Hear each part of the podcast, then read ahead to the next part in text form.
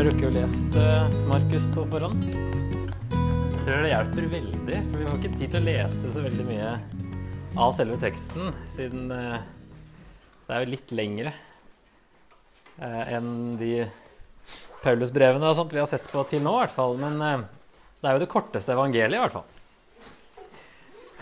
Faktisk ganske mye kortere enn de andre. Og derfor er det ekstra interessant å se på hva Markus tar med når han skal skrive såpass kort som han gjør. Um, så jeg kommer til å se litt mer på liksom sånn overordna ting, kanskje. Men vi går, gå, inn i tekster òg. Men uh, vi får ikke tid til å lese så altfor mye. Så hvis dere ikke har lest før, så har dere kanskje lest det eller dere har kanskje lest det for lenge siden. Hvis dere ikke har lest det akkurat nå. Men uh, evangeliene er jo kanskje litt kjent med. Men uh, etter i kveld så kan det òg være veldig nyttig å lese det på nytt og ta god tid. Jeg skulle gjerne som vanlig hatt mye mer tid enn det jeg har hatt på å komme ordentlig inn i det. For, for meg ble det faktisk eh, Det er lenge siden jeg har sittet med Markus, egentlig. Og det var eh, Det var veldig interessant å få se Jesus på en, eh, på en ny måte, faktisk. Um, så evangeliene altså Vi tenker liksom hva hva kan, vi, hva kan vi si om Markusevangeliet i kveld? Altså Det er jo bare et, si, bare et evangelium. Vi skjønner jo alle hva som står der. Eh, men eh, vi skal sammenligne litt med de andre og se liksom, litt uh, forskjeller. da. Også, um, men jeg kommer til å prøve å ikke gå så mye utafor Markusevangeliet, for det er ganske greit å holde seg på ett sted. Jesus kom som en lidende tjener, er jo noe vi kan i hvert fall oppsummere som eh, et hovedpoeng som Markus vil ha fram. Og den lidende tjener, det er jo han som beskrives i Jesaja 53. Så det er, eh, det er det, som kanskje skiller Markus eh, fra de andre. I hvert fall noe av det som skiller fra de andre, er altså Alle har et perspektiv på Jesus som de har lyst til å presentere. Og Markus har litt mer lidelse enn de andre. Så i tillegg til at han da eh, drar inn litt fra Jesaja 53. Eller så snakker han om hva vil det si å følge Jesus og være en disippel. Og det er jo veldig relevant, da. Ganske tidløst. Så det temaet er veldig sentralt eh, for alle som tror. Og spesielt da i motgang og vanskeligheter og lidelser. Så se litt på hvordan Markus kan eh, oppmuntre oss i det. Um, jeg tenkte jeg skulle åpne med en litt sånn historie som sikkert skjedde for 20 år siden, hvis jeg skulle prøve å huske akkurat når. Det begynner å bli en, eh, en, del år siden. Jeg var på et møte, sånn kristent stevne, sommerstevne.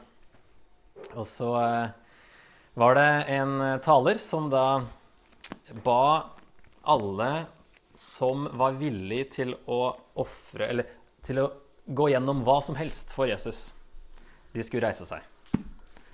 Jeg ikke, jeg, var, jeg tror ikke han hadde Eller han hadde tydeligvis ikke noe sånn veldig krevende misjonstur i tanken. At han skulle liksom eh, få med folk som var gira på å gå gjennom hva som helst. Det var ikke noe sånn konkret. Det var liksom bare en sånn reis dere opp-sak. Og jeg liksom OK, ja. Det blir seriøst. Nå må vi tenke gjennom. Ok, Hva hvis eh, noen kommer og si, blir torturert eller river ut neglene mine og sånne ting? Altså, vil jeg da fortsatt kunne liksom gå gjennom hva som helst. Jeg må liksom begynne å tenke gjennom konkrete ting. Og, men jeg kom ikke så veldig langt i den tankerekka før alt jeg så rundt meg, var bein. Alle hadde reist seg. Med en gang. Jeg snakka med ei etterpå som sa liksom at ja, hun reiste seg òg, men hun fulgte ikke helt med det sekundet. sånn at når alle reiste seg, så reiste hun seg òg. og så ble jeg sittende der, og så sier han eh, taleren da at eh, ja, det er en veldig, veldig alvorlig eh, avgjørelse. sånn at hvis ikke du er sikker, så er det bedre at du setter deg igjen. Siden det er ingen som setter seg da, ikke sant? etter man har reist seg. Da blir man en feiging. Men var, da ble det så absurd, den situasjonen, at eh, den, eh, det spørsmålet som skulle få deg til å tenke på om du virkelig ville gå mot strømmen, så ble det til at hele strømmen reiste seg. Og jeg gikk imot strømmen ved å bli sittende. Det var helt sånn helt baklengs og veldig rart. Um, Men det er, det er jo det Jesus egentlig kaller oss til i Markusevangeliet. Um, om vi er villige til å ja, følge Han i alt. Og overgi oss um, totalt. Det, er også, det som er litt gøy med Markus, er at det er, eh, det er kanskje det eldste evangeliet. da. Det er mange som tror det, i hvert fall. Og det er, altså utover det så er det litt sånn Det er ikke så polert. Så det er en del sånne vanskelige ting som blir litt tydeligere i Matteus og Lukas. Når de liksom glatter det litt ut eller forklarer litt mer. Så det er liksom sånn røft og rått i Markus. og så er det kanskje det første evangeliet, da, så det er litt sånn kult å se på det første som er skrevet eh, om Jesus på denne måten. Eh, det er mye action i Markus. Uh, ordet 'straks' brukes 41 ganger. Det er ikke alltid det oversettes, men det, ting skjer straks hele veien. Uh, det er ikke alltid det er um, bokstavelig. Det er derfor de ikke oversetter alltid. Som det står at uh, da det var, eller straks på sabbaten så gikk de inn i synagogen. Og straks var det en mann der med en uren ånd. Og så gikk eh, så helbreder Jesus han, og straks spredte ryktet seg om Jesus til hele Galilea. Og så gikk de ut av synagogen i neste vers. så tar vi det bokstavelig, så har det mens de var inne i synagogen, så har det her spredt seg til hele området før Jesus går ut igjen. Så det er litt sånn her, litt ekstra action da, i, eh, i Markus. Og så er det bare to taler, mens det er masse mirakler. 20 mirakler.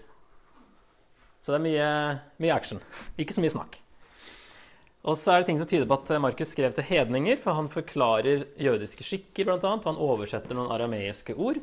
Så det er tydelig at eh, de ikke skjønte disse ordene, at han eh, forklarer der Matteus f.eks. ikke forklarer, som skrev mest til jøder.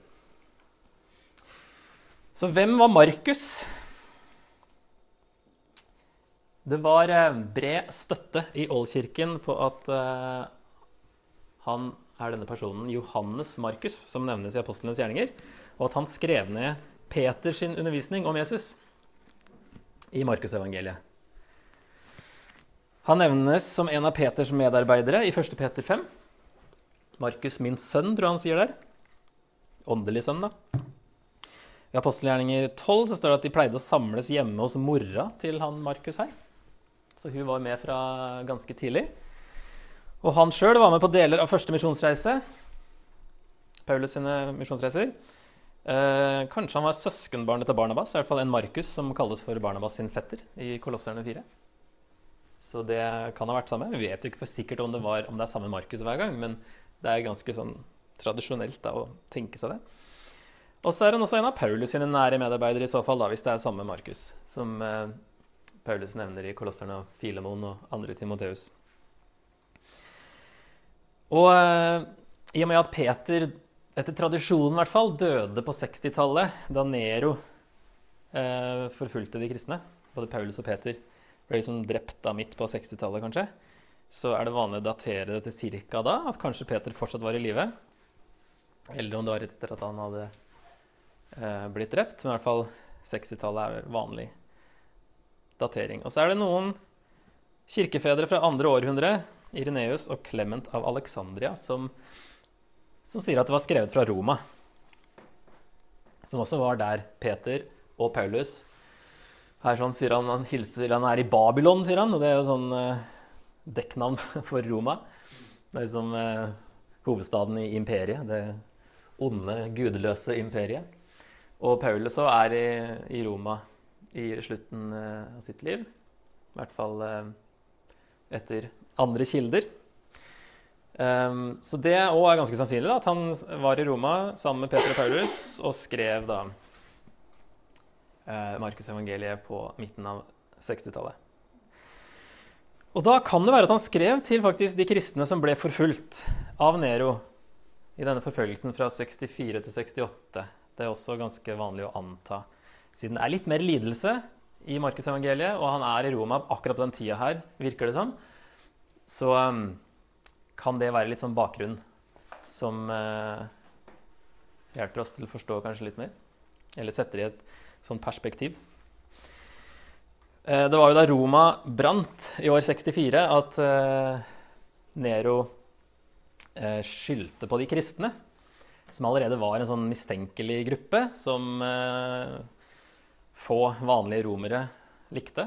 Så det var lett å liksom gi dem skylda for noe sånt, og så ble det en forfølgelse. Første forfølgelsen som myndighetene organiserte. da. Det er følelser hele veien av jøder på torget og sånne ting. Men her var det liksom fra keiseren. Um, og Tacitus, en historiker, han skriver All slags hån ble lagt til deres død. Dekket med dyreskinn ble de revet i hjel av hunder. Eller de ble, de ble naglet til kors, eller de ble dømt til flammene og brent for å tjene som lys om natten når dagslyset var borte. Nero hadde tilbudt sine hager til dette. Men til tross for en skyld som hadde fortjent å bli straffet for å statuere et eksempel, oppsto det medfølelse ut fra inntrykket av at de ikke ble ofret for statens beste, men for en enkelt manns grusomhet. Så det her Folket syns faktisk det gikk litt for langt, dette her, når de um, Ja. Var, han er enig i at liksom, de fortjener å bli straffa, men de fleste syns det gikk litt for langt. Mm. Jeg fikk ikke helt med siste punkt på forrige var, da, eh, var skrevet til kristne. Ja, som ble forfulgt i denne forfølgelsen. Ja, men, men også til hedninger? Ja, hedningekristne. Hedningekristne. Ja, ikke, ikke pagans, men gentiles. det er liksom forskjell. Ja. Så uh, kristne er ikke-jøder. Mm. Så det her var uh, Det var ganske grufullt. Uh, her er også et sånt en som har mala. At de ble brent. Så det kan være uh, bakgrunnen. Og de trenger å bli oppmuntra. De trenger å bli ja, oppmuntra til å stå fast i motstand og lidelser som disipler. Og følge Jesus uansett. Vi ser litt på sånn inndeling av Markus, da. Så um, er det tre hoveddeler med en introduksjon. Første 15 versene. Eh, der er eh, døperen Johannes som er i sentrum. Så eh, helt til Jesus kommer, i vers 14 og 15. Og der er Jesus, eller en oppsummering av det Jesus forkynte. da, Det var Guds rike er kommet nær. Vend om og tro på evangeliet. Så har vi del 1 i Galilea fram til 8.26. Der Eh, spørsmålet er liksom hvem er Jesus? Og eh, Markus viser hvem Jesus er, og spesielt hans autoritet blir eh, demonstrert da, i undervisning. Han underviser med autoritet, og han har autoritet over onde ånder, over synd, over sabbaten, over Israel, over naturen, over sykdom og død. Og så har vi del to. Da er de på vei til Jerusalem fra 8.27 til 10.52. Og da underviser Jesus om hva slags Messias han er. Altså han er en lidende Messias, og ikke en sånn Messias som de trodde han skulle være. En sånn politisk, eh, militær Messias som skulle fri dem fra, fra romerne. Og her snakker han tre ganger om sin lidelse, død og oppstandelse. Og så kommer det også instruksjoner om hva det vil si å være en disippel. I den sammenhengen. Så der blir det mye lidelse og overraskende ting da, for disiplene å høre. Og så er det en sånn hemmelig Messias fram til her. Um, fram til han er i Jerusalem, del tre, så vil han egentlig ikke at det skal bli så mye oppstyr.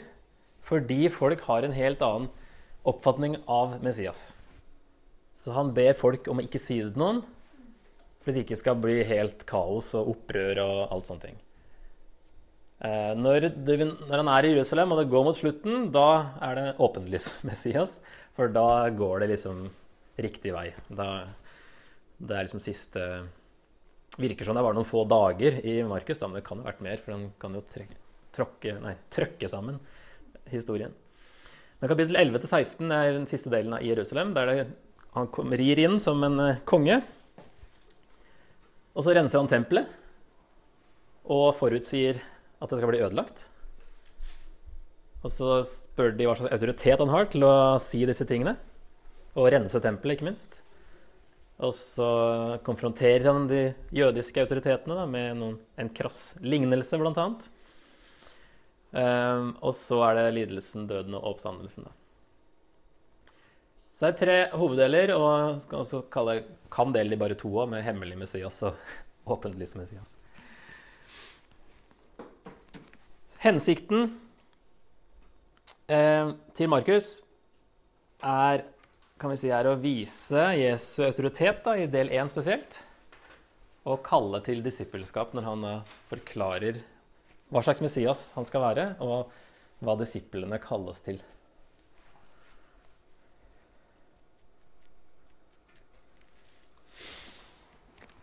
Åpninga til Markus i eh, vers 1-3.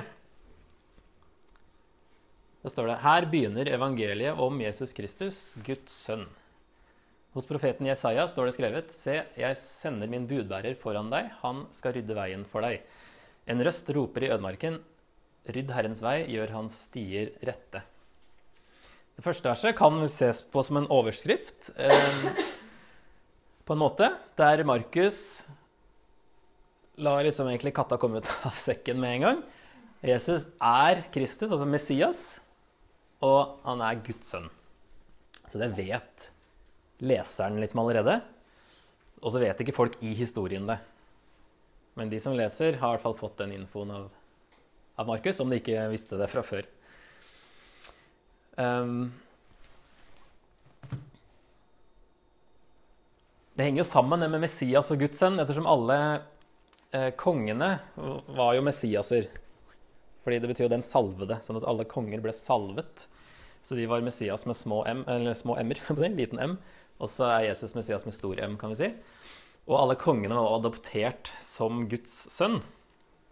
I motsetning til eh, kongene i andre eh, religion, eller kulturer rundt, der de ble sett på som guddommelige eller eh, halvguder eller Gud sjøl. Så var de da i Israel så var de bare mennesker, men de var likevel kalt Guds sønn, da eh, adoptert. Sånn at eh,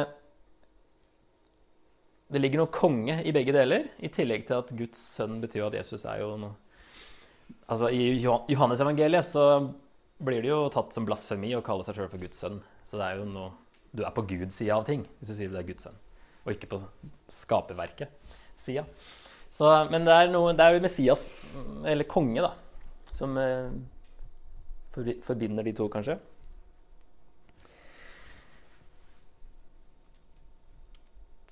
Um, og så knytter han det til Gammeltestamentet da, med å sitere Jesaja, selv om det faktisk er noe fra Malaki der også. Så var det sånn vanlig å bare smekke det sammen og nevne bare den største profeten, den mest kjente. Så det første setningen 'Jeg sender min budbærer foran deg', det er fra, fra Malaki. Der står det egentlig Se, jeg sender min budbærer. Han skal rydde vei for meg. Um, sånn at i Malaki så er det Gud sender en budbærer før han sjøl kommer. Og her i, starten så er denne budbæreren er døperen Johannes, som, som eh, sendes før Gud sjøl kommer. Og så er det Jesus som kommer. Så der får du også noen sånn I tillegg til at han viser, Markus viser at det her er fortsettelse av Gammeltestamentet, så er det jo at Jesus er Gud som kommer. Og i Jesaja 40, som er det andre verset, eh, rydd vei for Herren, står det jo i eh, Markus. I Jesaja så står det da Jahve, det er Guds navn. Um, mens her er jo han som kommer, det er jo Jesus. Så Jesus er Jahve også. Så du får sånn mellom linjene så sier Markus egentlig at Jesus er Gud. Og så sier han nå at det kommer en ny utgang, for det er jo det eh, Jesaja 40 og utover handler om. det er at de skulle komme ut av Babylon. Og så bruker Markus det her om, um, om, Jesus, at det kommer en ny utgang. At utgangen fra, fra Egypt og fra Babylon pekte framover mot uh, utgangen, eller oppfyllelsen her, da, i Jesus, når en åndelig utgang skjer. Når eh, vi blir fridd fra et annet type slaveri til å bli Guds folk. Så han knytter det da, som sagt, til GT. Så her oppsummert Jesus er Messias. Han er Guds sønn, og han er Javé sjøl som kommer.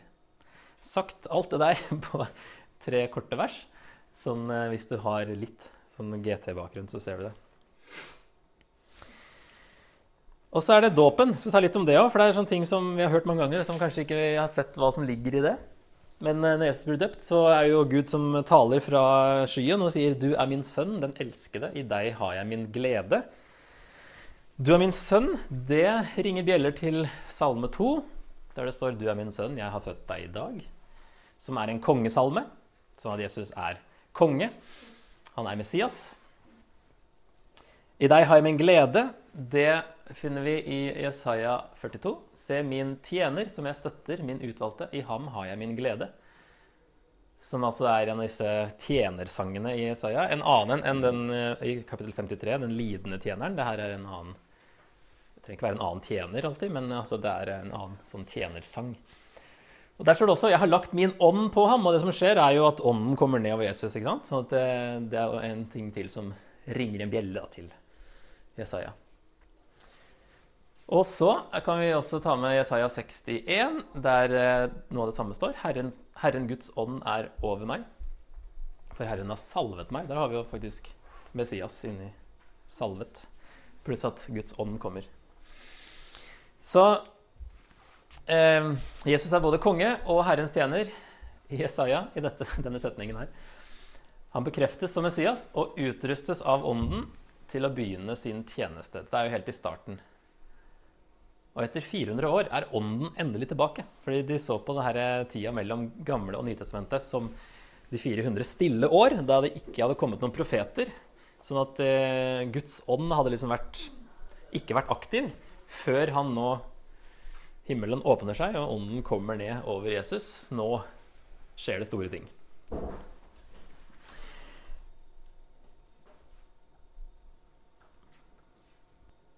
Videre ut i kapittel 1 så underviser Jesus da med autoritet. Han har autoritet over onde ånder. Han helbreder Peters svigermor.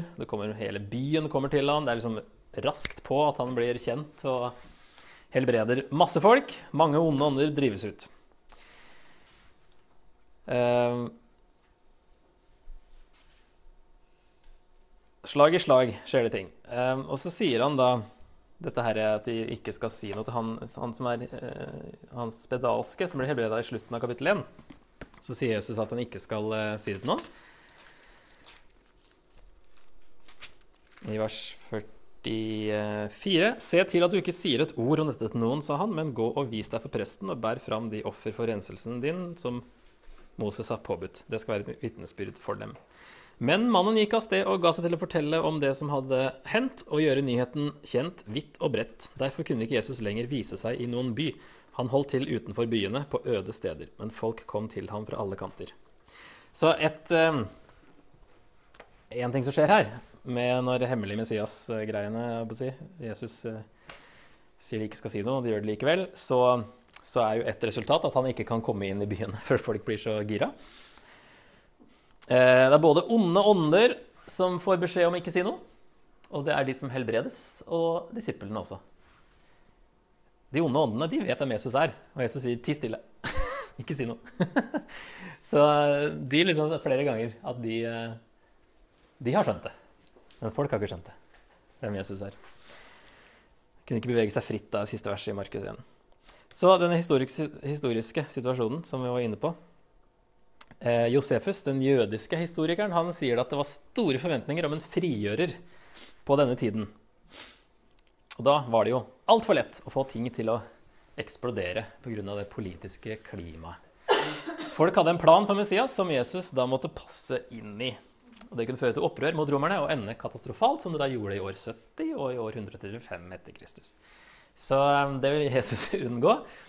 Derfor ber han dem ikke si noe. Eh, i 9.9 så sier han at eh, de, må, de skal ikke si noe før etter at han har stått opp igjen. For da, i lys av det, så skjønner man mer hva slags Messias han er. Og det da inkluderer hans lidelse og død. 9.9 så sier han eh, På veien ned fra fjellet påla han dem at de ikke skulle fortelle noen hva de hadde sett, før menneskesønnen var stått opp fra de døde. Og i en, eh, tilbake til kapittel 1, eh, vers 34, så, nei, 37, så eh, har han stikket av. Han er, mens det var mørkt, så sto Jesus opp, gikk ut og dro til et øde sted og ba der. Men Simon og de andre skyndte seg etter ham, og da de fant ham, sa de, 'Alle leter etter deg.' Men han sa til dem, 'La oss gå videre til småbyene her omkring.' Det er liksom Vi stikker. Alle leter etter ham. Ja, vi, vi drar et annet sted. Han var ikke ute etter, eh, etter det. Akkurat nå, i hvert fall. Kapittel to. Så helbreder han en lam mann, og han tilgir syndene hans. Og det vil jo si at han er Gud. Det skjønner jo de fariseerne, eller hvem det nå er. Eh, skriftlærde. Skriftlærde, ja. Eh, og han vet også hva de tenker. Det tyder jo også på at han eh, er noe overnaturlig. altså, så er det litt rare utsagnet 'Hva er lettest å si?' 'Dine synder er tilgitt', eller 'Ta båren din og gå'. Så kan det kanskje være at han sier jeg tror jeg bare sier dette og later som jeg har denne autoriteten. Så la meg demonstrere hvilken autoritet jeg har. Og så helbreder han i tillegg, da. Det er ikke bare prat at jeg har tilgitt syndene hans. Og det, når han tilgir noen synder, det er helt riktig som de skriftlærde tenker, at det, det, er bare Gud som kan gjøre det. Hvem er han fyren her som sier det? Så det er spørsmålet. Hvem er Jesus? I de første åtte kapitlene. Så kaller han Levi, som følger straks. Og Jesus da spiser med tollere og syndere, og det blir litt bråk eh, av det. Og så er det det spørsmålet om eh, vinsekker og eh, Når han sier eh, 'ingen syr en lapp av ukrympet tøy på et gammelt klesplagg', for da vil den nye lappen rive med seg et stykke av det gamle plagget, og riften blir verre. Og ingen fyller ny vin i gamle skinnsekker, for da vil vinen sprenge sekkene, og både vinen og sekkene blir ødelagt. Nei, ny vin i nye vin, vin, eh, skinnsekker. Og det her er jo ifra, ut fra spørsmålet om hvorfor de ikke faster, disiplene til Jesus, når fariseerne og disiplene til Johannes faster. Så Jesus sier litt sånn rart svar, men det betyr kanskje at du kan ikke bare få Jesus til å passe inn i gamle ting, gamle former. Han er noe nytt og unikt som, som sprenger rammene. Så det er jo sånn, Hvem er Jesus? Han er noe nytt. Han er noe helt unikt. Du kan ikke bare anta at han er sånn og sånn, og at eh, hans disipler skal gjøre det samme som fariseerne og eh, Johannes sine disipler. Han har autoritet over sabbaten. Det sier han nå, at menneskesønnen er eh, herre også over sabbaten. Og det er konflikt med skriftlærde og farisere hele veien i kapittel 2 her.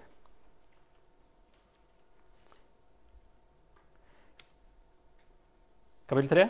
Vi tar det bare sånn kjapt foreløpig. Han helbreder en mann med en, vissen, en visnet hånd i synagogen. Og det er sabbat, og det er liksom Det er ikke lov å helbrede noen på sabbaten, mener da de eh, Hvem er det som er til stede nå? Fariseerne? Det er de som er i forrige avsnitt, i hvert fall. Og Ja, fariseere. Eh, og det som er komisk, er at Jesus han gjør ikke annet enn å snakke. Hvis det er noen som gjør noe arbeid på sabbaten, her, så er det han mannen som rekker opp hånda si for at den skal bli helbreda. Det er det arbeidet som skjer. Jesus bare snakker. Og det er liksom da Ja. Um, på sabbaten så gir Jesus da liv til en død hånd. Fariseerne planlegger å ta liv også på sabbaten. da. Noe som er ironisk og egentlig ganske latterlig at det er Jesus som havner i trøbbel på alt dette her. Og så kommer det en mengde folk fra hele landet og utenfor. Det ramser opp alt, liksom, i området. I vers 7 utover der. En mengde mennesker fra hele Galilea fulgte etter. Det er jo norddelen av Israel. Også fra Judea, som er sør. Fra Jerusalem og Idumea, som er liksom sørøst. Ut, litt utenfor, egentlig fra landet bortenfor Jordan, altså øst eh, for Jordan, og fra områdene rundt Tyros og Sidon, som er nord for Israel, kom de til ham i store mengder fordi de hørte om alt det han gjorde. Masse folk. Så går han opp i fjellet, og han peker ut tolv apostler, som viser at han har autoritet over Israel også, fordi han utnevner et nytt Israel. Det er jo tolv stammer, eh, og så utnevner han ikke tilfeldigvis tolv apostler. Um, men det er en, en uh, forbindelse der til, til, dette nye som kommer. Og så Han utnevner dem, står det, for at de skulle være sammen med ham. Han kalte til seg dem han ville, det er fra i 3.13, og, kom til, og de kom til ham. Han pekte ut tolv, som han også kalte apostler, for at de skulle være sammen med ham, og for at han kunne sende dem ut for å forkynne og ha makt til å drive ut de onde åndene. Vi skal først være sammen med ham. Det er det disippelskap handler om, å være sammen med Jesus. Før man sendes ut, i hvert fall. Men også hele veien, når man er sendt ut òg. Um, så uh, er disipler sammen med Jesus. Så kommer det kanskje noe som uh, vi, eller mange har vært litt sånn der, uh, skremt over. Dette her når Jesus sier at spott mot Den hellige ånd aldri i evighet får tilgivelse. I det neste som skjer. Eh, der er det jo eh, de eh, skriftlærde som sier at han har Beelsebull i seg. Det er ved hjelp av herskeren over de onde åndene at han driver de onde åndene ut. Og det sier Jesus er for det første ulogisk at Satan driver og skal ødelegge for seg sjøl. Og for det andre så er det spott mot Den hellige ånd å si at Jesus har en uren ånd i seg, som det står i vers 30. Dette sa han fordi de hadde sagt han har en uren ånd i seg. Så det her handler jo om å si eh, at Jesus har en ond ånd. Det er spott mot Den hellige ånd. Um,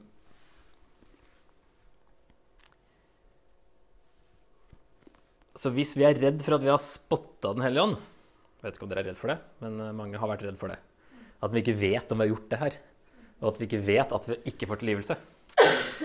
Eh, så er jo grunnen til at vi er redd for at vi har gjort det, er jo fordi vi tror at Jesus er Guds sønn. sant? Det er ikke fordi vi tror at Jesus er ond, eller Jesus har en uh, demon. Det er fordi vi, vi, tror på Jesus, men så tror vi at vi, at vi har uh, gjort et eller annet som er uh, uten tilgivelse. Og hvis du tror at Jesus er Guds sønn, og det er derfor du er redd, så har du jo ikke gjort dette her. Det det jo, så det her er en virkelig sånn overlagt med overlegg, og du eh, beskylder Jesus for å ha en ond ånd. Så en evig synd betyr jo da en synd med evige konsekvenser. Hvis ikke du da kanskje omvender deg fra den synden. Ja. Det høres ut som at hvis du spotter Den hellige ånd, så er det et annet ord på at du ikke tror at Jesus er Guds sønn. Ja. At Jesus er Gud. Ja. Hvis du ikke tror at Jesus er Gud eller er Guds sønn, mm. da får du jo aldri tilgivelse. Ikke for den synden eller for noe annet, fordi ja. det er bare Jesus som kan tilgi. Ja, nemlig. Og da syns jeg fall jeg at hele greia her gir mening. Mm.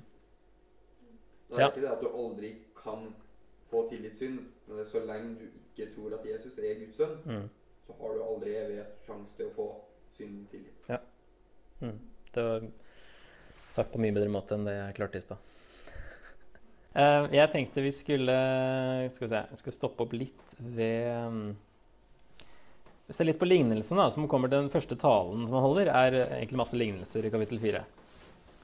Og For å oppsummere dem veldig kjapt, så er det da lignelsen om såmannen er jo den eh, første og den lengste, og kanskje den mest sentrale. Og poenget der er jo at Guds rike har varierende respons hos folk. Forskjellig type jord. Og så er det den om såkornet, som bare fins i Markus, som eh, handler om at Guds rike vokser av seg selv. Han som har planta det, han vet ikke åssen det skjer. Det bare vokser.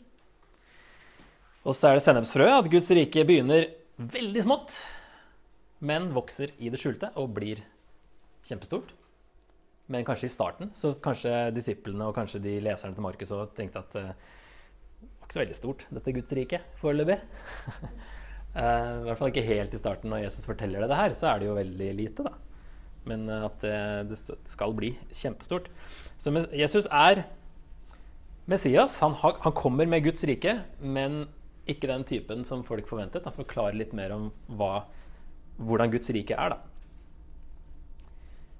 Og så er det litt sånn rart det han sier om at, for at for Han sier alltid lignelser for at de skal Se og se, men ikke skjelne. Høre og høre, men ikke forstå. så de ikke vender om og får tilgivelse. Høres ut som han ikke vil at du skal få tilgivelse. Men eh, der, hvis jeg, Matteus da, han hjelper oss litt der og har med hele sitatet, som er fra Jesaja 6. Så den midtbiten så står det da For dette folkets hjerte er blitt fett.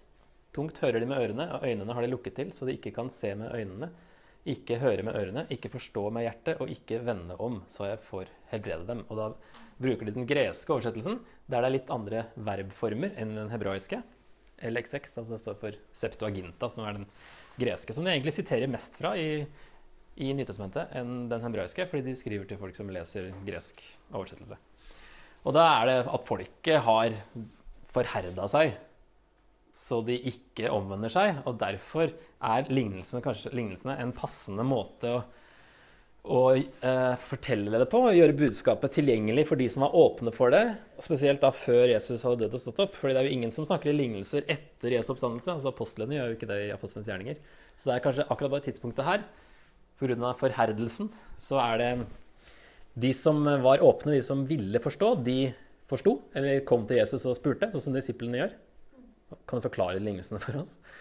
Uh, og der har det kanskje òg med den relasjonen å gjøre. At du forstår det når du er i relasjon med Jesus.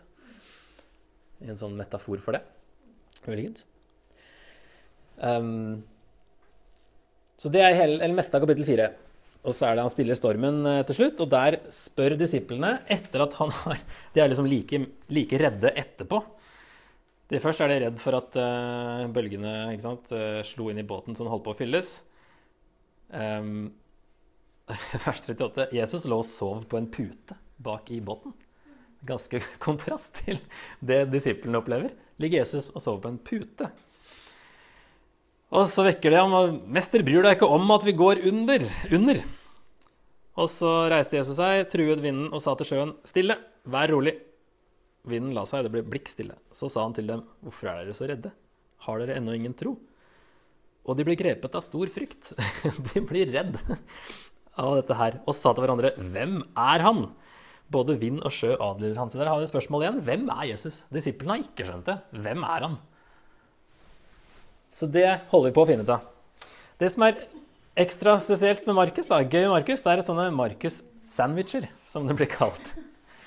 Der han eh, liker å dele opp en historie i to deler, og så putte en annen historie imellom. Og så henger de sammen på et vis, sånn at du får et nytt poeng ut fra at uh, han lager en sånn sandwich. Da smaker det enda bedre. Ja, det gjør det. Det smaker helt nytt. um, nå er det jo noen sånne i Matteus og Lukas òg, fordi ting kanskje skjedde i en viss rekkefølge, eller at de baserer seg på Markus. eh, og kopierer noen av dem, men ikke alle. Så det er flere, mange flere i Markus enn i de andre. Og Av og til så fungerer det som at du ser at ting skjer samtidig. Og så lages det til en kontrast eh, der det er meninga at du skal sammenligne de to personene, f.eks., i, eh, i to eh, parallelle historier. Da. Så um, vi skal se på noen sånne, tror jeg vi rekker. Jeg lurer på om vi skulle tatt en pause snart. Men vi har ikke kommet så veldig langt. jeg tar og freser gjennom eh, ja, Vi kan eh, se på en av dem faktisk av kapittel 5. Så vi tar den. Først så er det den i eh, første 20 versene at han helbreder en mann med en ond ånd. Uh, og der er det sånn at vi, sant, der han får en ond ånd til å gå inn i de 2000 grisene som styrter i sjøen. Og så tenker vi det var dårlig gjort, Jesus. Hvorfor gjorde du det? Det, liksom, det henger vi oss opp i. Det var ikke dine griser, liksom. Stakkars de som eide grisene. Ikke sant? Og så kommer de, disse her, og så spør de eh, Ber, han, ber de Jesus dra, liksom. Um, bønnfalt Jesus om å dra bort fra området deres. Så eh, Jesus viser for det første at han har veldig stor autoritet igjen. da.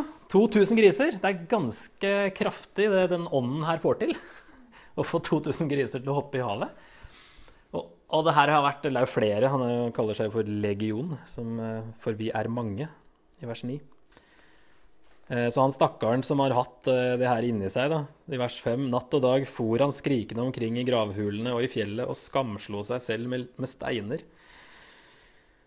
Han blir helt frisk, Jesus har klart og, og, altså, Når de ser de 2000 grisene, 2000 grisene styrte i havet, og han mannen her er frisk, så burde de liksom egentlig ha fokusert på Jesus og ikke på grisene. Og når, de, når, man ikke, når man er mer opptatt av urene griser enn av Jesus, så ser ikke Jesus noe poeng i å forklare noe mer hvorfor han gjorde det. eller noen ting, Og de sier kan ikke du dra? Greit, jeg drar. Dere er i hvert fall ikke åpne. Grisen var et urent dyr i tillegg. Da. Og så kommer det en sånn sandwich som er en sandwich hos alle, tror jeg, Matteus og Lukas òg, med at Jairus eh, sin datter eh, Inni den historien så kommer denne historien om kvinnen som rørte ved Jesu kappe. Ja. Mm. eh, Fordi at I kapittel 5 med den demonbesatte mannen, Ja. da sier jo Jesus at han skal gå og fortelle hvilke store Ja. ting Herren har gjort for deg, og hvordan han er forbarmet seg over deg. Mens før så har han liksom bare sagt 'ikke si noen'. Yes. eller- Så jeg lurte litt på den. Ja, veldig godt spørsmål. Det, er nok fordi han er på hedningterritorium. I vers 1, Gerasenerlandet, som eh, står en fotnote her, at eh, landområdet sørøst for Genesaretsjøen eh, Sånn at han er nok litt på øst, utafor østgrensa. Og der eh, hadde de ikke sånne Messias-forestillinger som jødene. Jeg tipper det er det. så da går det bra, liksom. Da går det bra. Fortell, liksom. Ja. Eh, for der var det ikke samme anspente situasjonen. Jeg synes det var bare interessant, for alle andre plasser så det. Ja, sant. Ikke fortelle til noen, liksom. Gang Godt observert. Er det noen som kommer på noen likheter her da, mellom eh, Jairus' datter og kvinnen som rørte ved Jesu kappe? En veldig tydelig likhet er jo at de begge er kvinner. Det er i hvert fall én ting. Eh, Begge kalles datter i historien. Dama har hatt blødninger i tolv år, og dattera til Jairus er tolv år. Eh, og så er det motstand fra folk i begge historiene. De ler av Jesus når han sier at hun bare sover, dattera til Jairus. Og når Jesus vil vite hvem som rørte ved kappa hans, så er det liksom Herlighet, Jesus, det er jo masse folk her. Hvorfor skal du Alle er jo borte der, liksom. Hvorfor skal du vite det her? Så det er liksom folk mot, litt motstand, de skjønner ikke helt. Og så er det urenhet, altså en død person og en person med blødninger. Begge er urene, som fra Mosloven. Og så handler det om tro i begge, begge historiene. Og det er kanskje, når Jesus spør da, hvem rørte ved klærne mine, så er jo det for å fortelle denne dama at det skjedde pga. troen hennes, og ikke pga. noe magi eller overtro. At det var liksom, du tok på kappa til Jesus, og så ble du frisk. Nei, det hadde, fordi du hadde tro. Du trodde det kunne skje. Og derfor han står og vil finne ut hvem var det her, og må, må få sagt det. Så folk rundt òg skjønner, og at hun skjønner, og at hun kan da eh, også komme inn i samfunnet igjen. Hun er jo ganske utstøtt, Hun har vært eh, uren så lenge. Jesus er ikke fornøyd med mirakelet, men han vil møte personen. Det er eh, viktigere. Så her ser vi at han bryr seg om de ubetydelige i samfunnet. Kvinner og barn og syke utstøtte. Alle tre, hvis vi tar med han eh, demonbesatte, de er jo egentlig helt uten håp. Og en er jo død. Det er i hvert fall helt uten håp. og hun, hun kvinnen med blødninger òg har jo prøvd alt, står det. Og er liksom helt gitt opp. Og så er det nok å bare ta på kappa til Jesus uten at Jesus vet det engang. Eh, Det er en stor kontrast. Og han eh, stakkaren med en haug av demoner i seg, som flyr rundt og ødelegger seg sjøl.